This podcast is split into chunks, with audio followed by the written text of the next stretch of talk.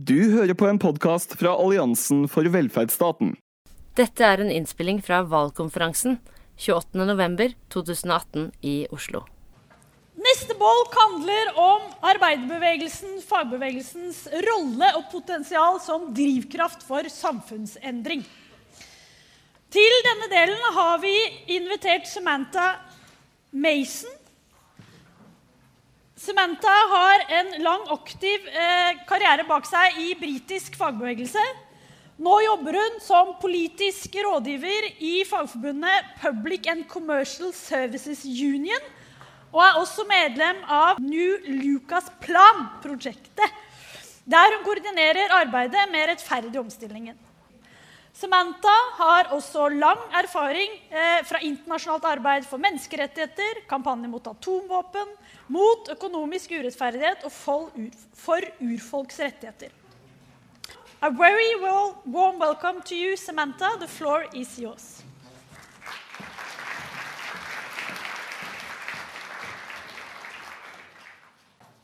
Um, okay, thank you, everybody, and thank you especially to Ashbourne for the invitation to address his special conference here. And firstly, just like to bring solidarity from my trade union, Public and Commercial Services Trade Union, to this conference. Um, we've really welcomed the work that Asbjørn has done, and I have to say, when I get an email that pops up in my inbox that has an article from Asbjørn, it will be the first thing I read because I've been massively influenced by your work, Asbjørn. I um, feel completely flattered and a, complete fool to be up here talking about can the working class change the world. But anyway, I'll uh, have a go.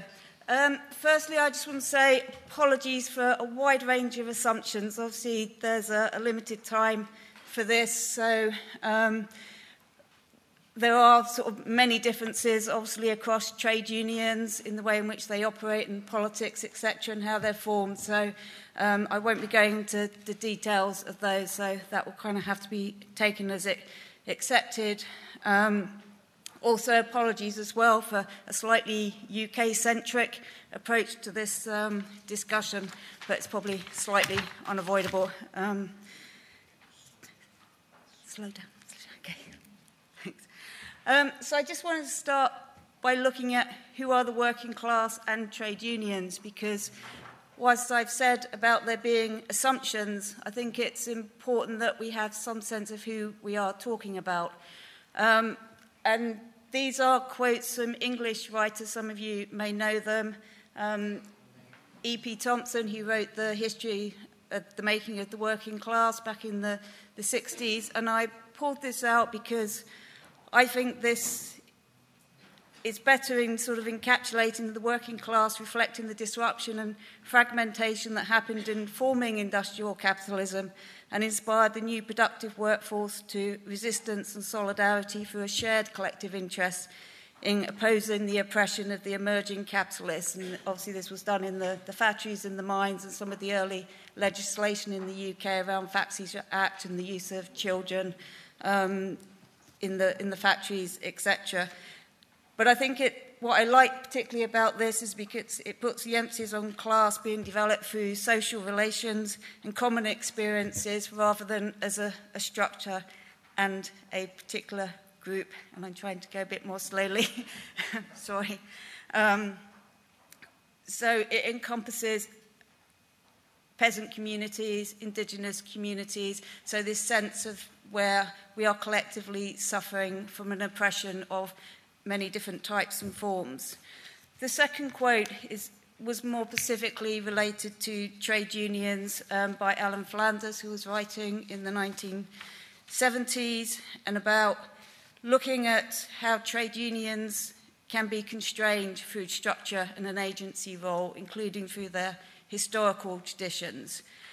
Flanders was particularly concerned with workers enjoying near full employment, um, who were more concerned with pay rather than wider social justice issues and class.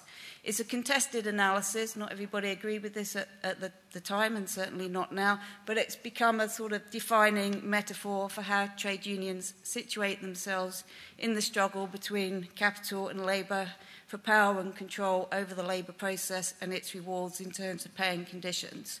And as we've heard in some of the contributions already, a process that through class compromise around strong welfare states and labour regulation largely governed the relationships between capital and labour in the post-war era, but in the global neoliberal era has tilted overwhelmingly in favour of capital.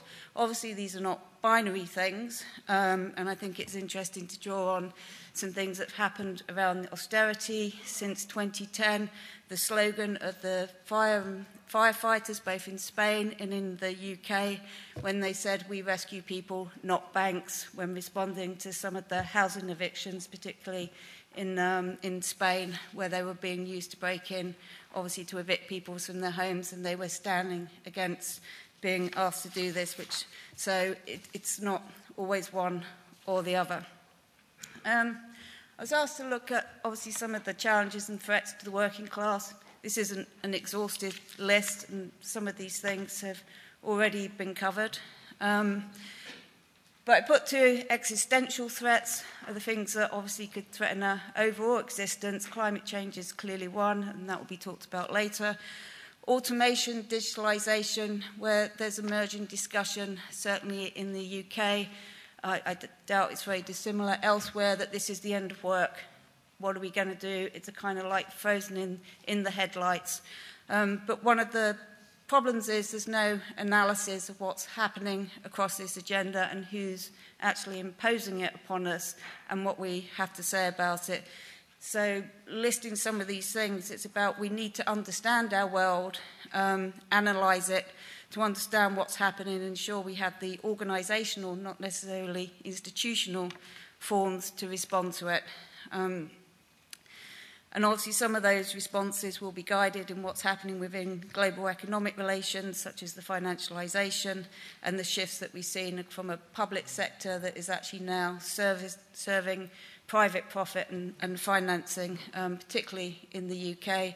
We see this in the destruction of the NHS, where we're still told it's free at the point of need, but in the background, most of it is being privatised and is now being profit driven, even as though we can still go and get essentially free health care.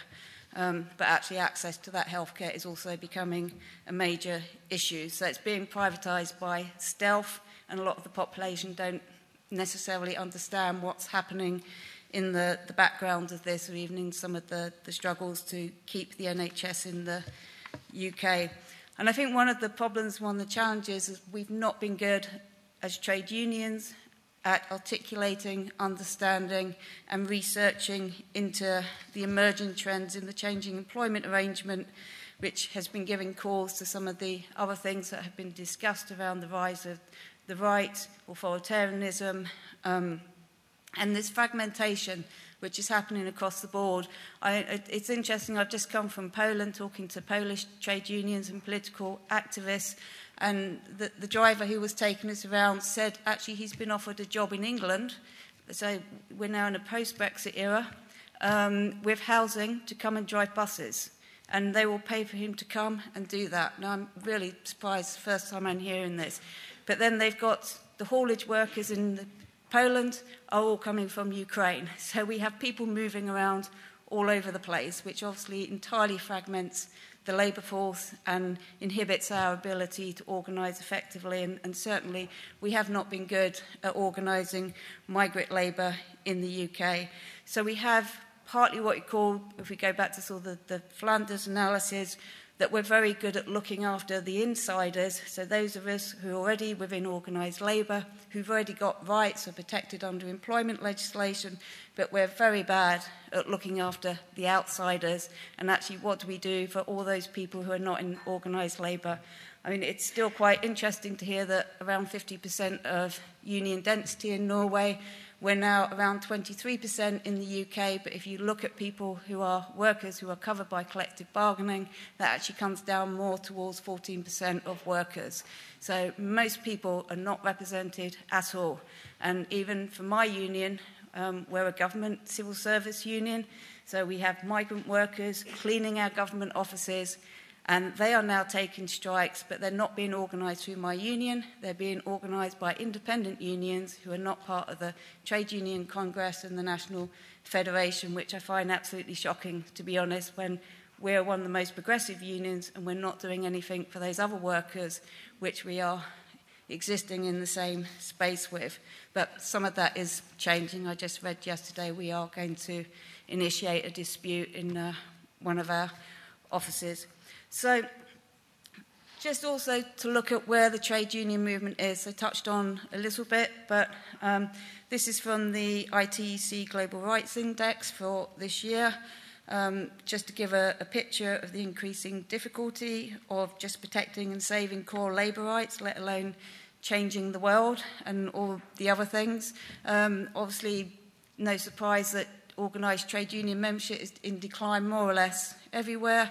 65% of countries excluding workers. And when you look at the countries in these, these are Western European countries, it's the UK, obviously the US, no surprise, but you know, that are sitting quite, quite high up. Very few countries are actually scoring well on any of the things which I think we have come to take for granted that we have these rights, but there's been an absolute erosion of rights.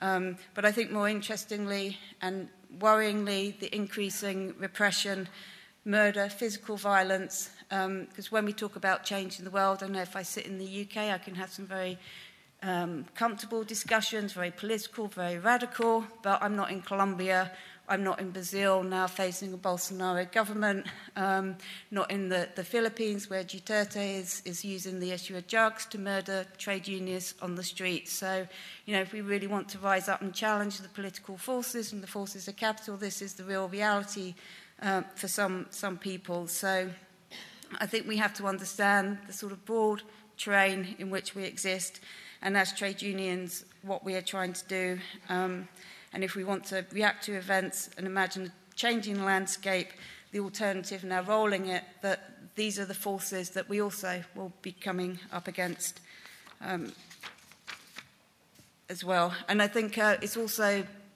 people talk about the rise of precarious work.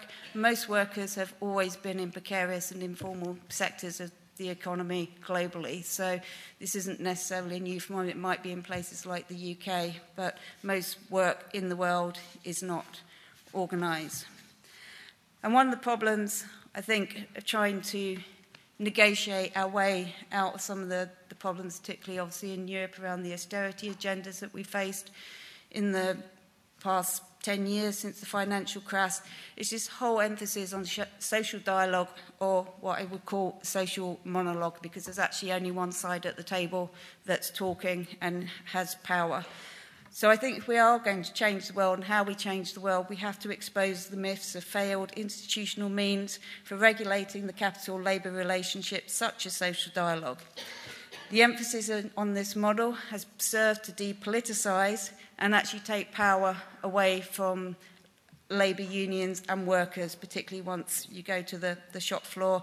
And it's ushered in austerity policies with the support of trade unions. So there again has been a continual class compromise. We might have dampened some of the edges as the worst excesses of the austerity agenda, but certainly not in the UK. We have been absolutely damaged by that. And even in my own union, the government had a direct political attack on us. We were over 300,000 members in 2008. We're 180,000 members today because it has absolutely rolled back and restricted our rights to organise and represent members, but also challenged our whole basis of how we collect our dues and, of course, just generally reducing the size of the state, as they call it, the civil service. We have the smallest civil service since the Second World War now. And in fact, we don't have people to actually cope with Brexit and all that that entails within a, a government managed those changes. It's been a complete disaster. But social dialogue is to work, I, I, don't, I think we need to change it, but It, re, it relies on strong institutional forms and an assumption of an equal place at the table. So I said it doesn't exist and works against working class interests and merely serves to help hand power to corporations. I think it's really interesting. I was just in Portugal as well um, and met with the CGTP um, leadership in Portugal, who there when they tried to impose, and the Troika tries to impose the reforms in Portugal, they refused to accept the social dialogue tripartite negotiations, and they stood and they resisted against that compared to the other National Confederate Union who backed down to those and helped facilitate some of those processes. And they have managed to push back now on some of the austerity agenda. And I also find it worrying in the context of the EU elections next year, looking at what the EPSU demands are um, for, to put their challenges for the EU elections is to raise awareness of the European Commission attack on public sector workers, that's absolutely true, and EU social partners, and call on EPSU affiliates and members to raise questions on what social Europe should mean for workers, trade unions, and the right to social dialogue and collective bargaining. Well, that doesn't really seem a particularly strong message to me about how we actually regain workers' rights and power within Europe. Looking at what the ITUC is saying, um, again from the same ITUC report, Sharan Burrows, the General Secretary, for now at least, um, wrote this Workers, their trade unions, defenders of rights and freedoms, organising to build the power of working people and stop the violations and corporate greed. It's time to change the rules. Well, what rules? Whose rules? We should be our rules. So I think that this is a problem. Again, it's a very mild demand. It's not really saying anything. What Sharan writes in her introduction to this report is that it's on the power of democracy. That to win gains for Labour, and there have been some gains, of course, it's clear we um, she said because in some countries, and it's interesting that she cited um, Canada in this with a change of government.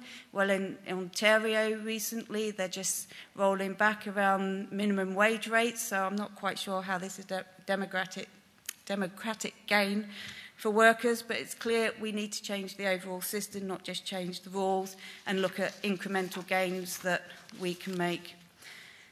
But power in the union. Where is power in the union? We're talking a lot about power outside the unions. Um, there is a kickback happening against leaderships who's got very comfortable with capitalism, business as usual, and the corporate models.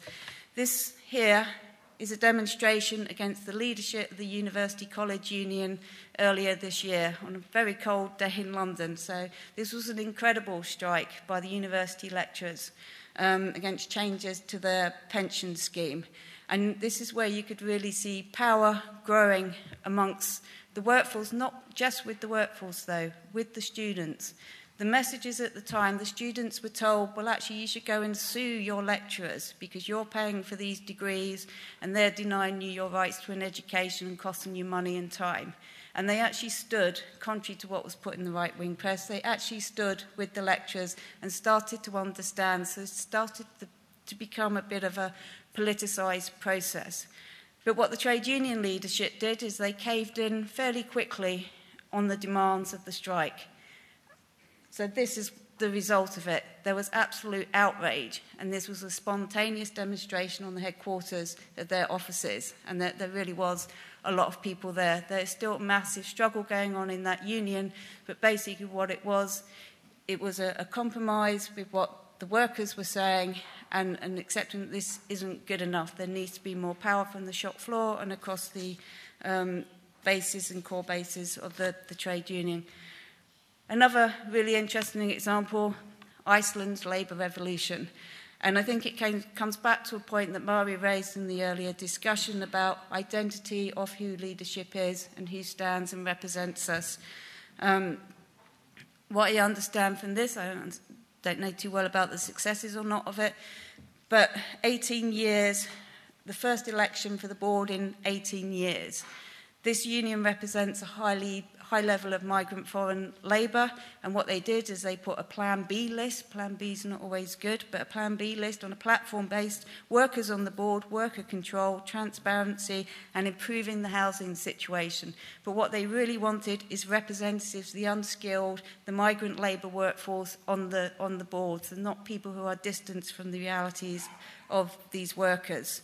Um, so I think that it's a really interesting development that's happening in, in some of the unions and to have working people as opposed to former business um, friendly leaderships and to join in with wider social forces as part of more active, active and solidaristic movements to address the issue of the many left behind for the, the sake of the few. Um, obviously, we're quite often defeatist because we have lots of struggles, not too many victories, but this was just a, a quick look through some of the things that are happening this year. Um, and tried to give a bit more of an international context. Obviously, in Spain, the 5 million workers taking part in the feminist strike was uh, quite an incredible moment and what it said for the, the politics in Spain and Barcelona en Comú, who are talking about this feminist politics, but not as a liberal feminism, but about addressing issues of machismo and patriarchy and actually how we do our politics. So it's actually a part of a different politics discussion in, in how we do things. But even in places like China, where highly restrictive labour rights, people do rise up. People do, when they understand the oppression against them, actually do know how to respond to it. And I'd say one of the most inspiring movements at the moment in the UK is around the McDonald's workers and fast food workers that have linked up with campaigns in the United States as well. These are young people, these are unorganised people. Now they're joining trade unions, and it's back to basics organising, going into the restaurants, talking to people, not big meetings, talking to people about how they can understand their rights and what they can do, and giving confidence to workers, young workers. Most of these workers don't realise they have rights. They're coming from a tradition where they don't even have within their families people who have been in trade unions because we've had such an erosion of trade unions. It doesn't get talked about. Trade unions don't get talked about as partners in society anymore in the UK. You don't get taught, taught about them in schools. Um, a lot of people don't know what trade unions are and what they can do. So this has been quite phenomenal, and it's nice to see young and particularly confident women that are talking on platforms and organising and telling the TUC how they need to go out and organising. And it's not about having an app on your phone, which is their solution for getting more young workers engaged. But we also do have to recognise, and obviously this has been the case in the UK, that with austerity politics, um, right, hurry up a bit, um, it's, been, uh, it's been very difficult because people have been massively oppressed. Um, and there is an element that is also true that in the Flanders analysis that trade unions come to serve a vested interest, a privileged group of workers that still enjoy some forms of labour protections. So I will just quickly whiz through a couple of these. Um, there is a discussion, obviously, about the precariat workforce. Is this a new dangerous class? Is this going to be the transformational class that we've all been looking for? Um, I would disagree with this, but I, I agree it's a dangerous class in the sense that it could be drawn to the political right as much as it could be drawn to um, leftist forms. And one problem I have with this is because it doesn't think about a wider political and social alliances that we need to be building. So I'm just going to jump quickly from this. Um, the Lucas Aerospace Alternative Corporate Plan, I think it was mentioned in my introduction, I'm part of the new Lucas Plan project. Some of you may be aware of this, um, that happened in the 1970s with workers in Lucas Aerospace that were predominantly but not entirely producing arms for, on military, so these were government military con contracts. In the face of redundancies, they basically came up with an alternative plan for how they could have a different system of making things that are socially useful. And what was really two, two things which were really interesting about what they did is because they started to develop a new form of trade unionism. They were organizing across their sectors, across blue collar, white collar workers. Um, these was highly skilled to lower skilled workers, and they worked, they organised outside the restrictions of their trade unions. And in fact, many people say it failed, and I say it didn't fail, it was failed by politicians, it was failed by the trade unions at the time. So I'll just move on to the last slide. I, I missed a word out here, really. Can the, coming back to the um, central question of this can the working class change the world? There is the word radical that should be there. Can it radically change the world? Because we don't just want to um, change it, and we, we do need to obviously overthrow the things that we have now. And I've pulled out this quote from Asbjørn because I think we should have a quote from Asbjørn. um, but I think he's right. I mean, you have to think where people see their day-to-day realities, and it is in their bread, and butter daily lives, going to work, and there is this question about space to think and time to organise and understand. Um, and we, we do have to link struggles to workplaces and develop out of there into a different into a, a different kind of discussion. But also, I mean, coming back to Lucas Plan example, and I say unshackle ourselves from the chains of capitalism is because we organise ourselves on the basis of capitalism and their own structures as a response to them. So we need to think very differently about how we organise, and that means using our own language as well. We are not team players. You know, we need to be class activists and radicals and comrades. We need to be have solidarity. So we need to get out of some of this language. Contractually, we may have to use it at times, but we need to um, move out there. We need to join together in common cause, and this is around social movements and alliances. And I put here that the teaching, we've stopped doing teaching. We don't do political education anymore in trade unions, at least not in the UK. Hopefully that is happening elsewhere. We need to use what they did in the UCU workers' strike. They were having teach outs on their strike days. They were getting together with the students and talking about politics. They were talking about transformational things. We need to go back into these kind of discussions and we need to reach in to the workers within our trade unions and reach out as well for some of the other activists um, around the social movements and start politicising them and having wider discussions. And it's quite interesting in some of the, I'm, I've been told I'm not allowed to talk about climate change, but I'm just going to say one small thing. Um, but in the fracking debates in the UK, what I have seen over the past few years is an absolute political politicisation of some people who started out just as environmental activists wanting to save their community space because it's brought them into direct contact with the government and processes and understanding that actually there is no democracy.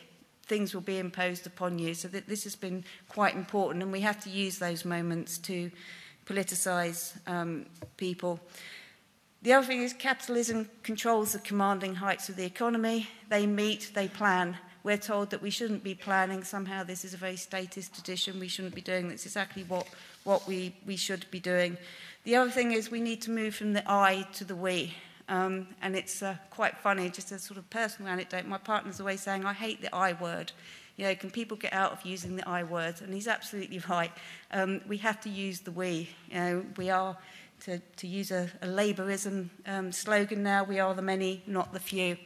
And I just come back because it's, it, it's come up and it will come back again to the rise of Jeremy Corbyn and the, the Labour Party in the UK. One thing which is really important around that and what is happening. There is a slogan that John McDonnell, the Shadow Finance Minister, uses when we go into government, we go into government together. And I think that's a really important message. The most important thing about the Labour Party project at the moment is building the movement on the ground, is building the politics on the ground. It's not just about an election of some representatives that can go into Parliament and carry out what's in their manifesto. It's about us carrying out that politics on the ground in our communities, in our workplaces, everywhere. And I think that's a bit to me, that's the exciting thing about what's happening in UK politics at the moment. That's why people have got engaged around it. That's why we've got 600,000 members. The biggest membership of the party and, and groups like Momentum are actually bringing people in to new discussions. I mean, to go to my local branch AGMs now, you've got a few hundred people there at an AGM is quite incredible. You know, there are deep discussions happening, and I think that's a really important message, and I'll finish there. Thank you.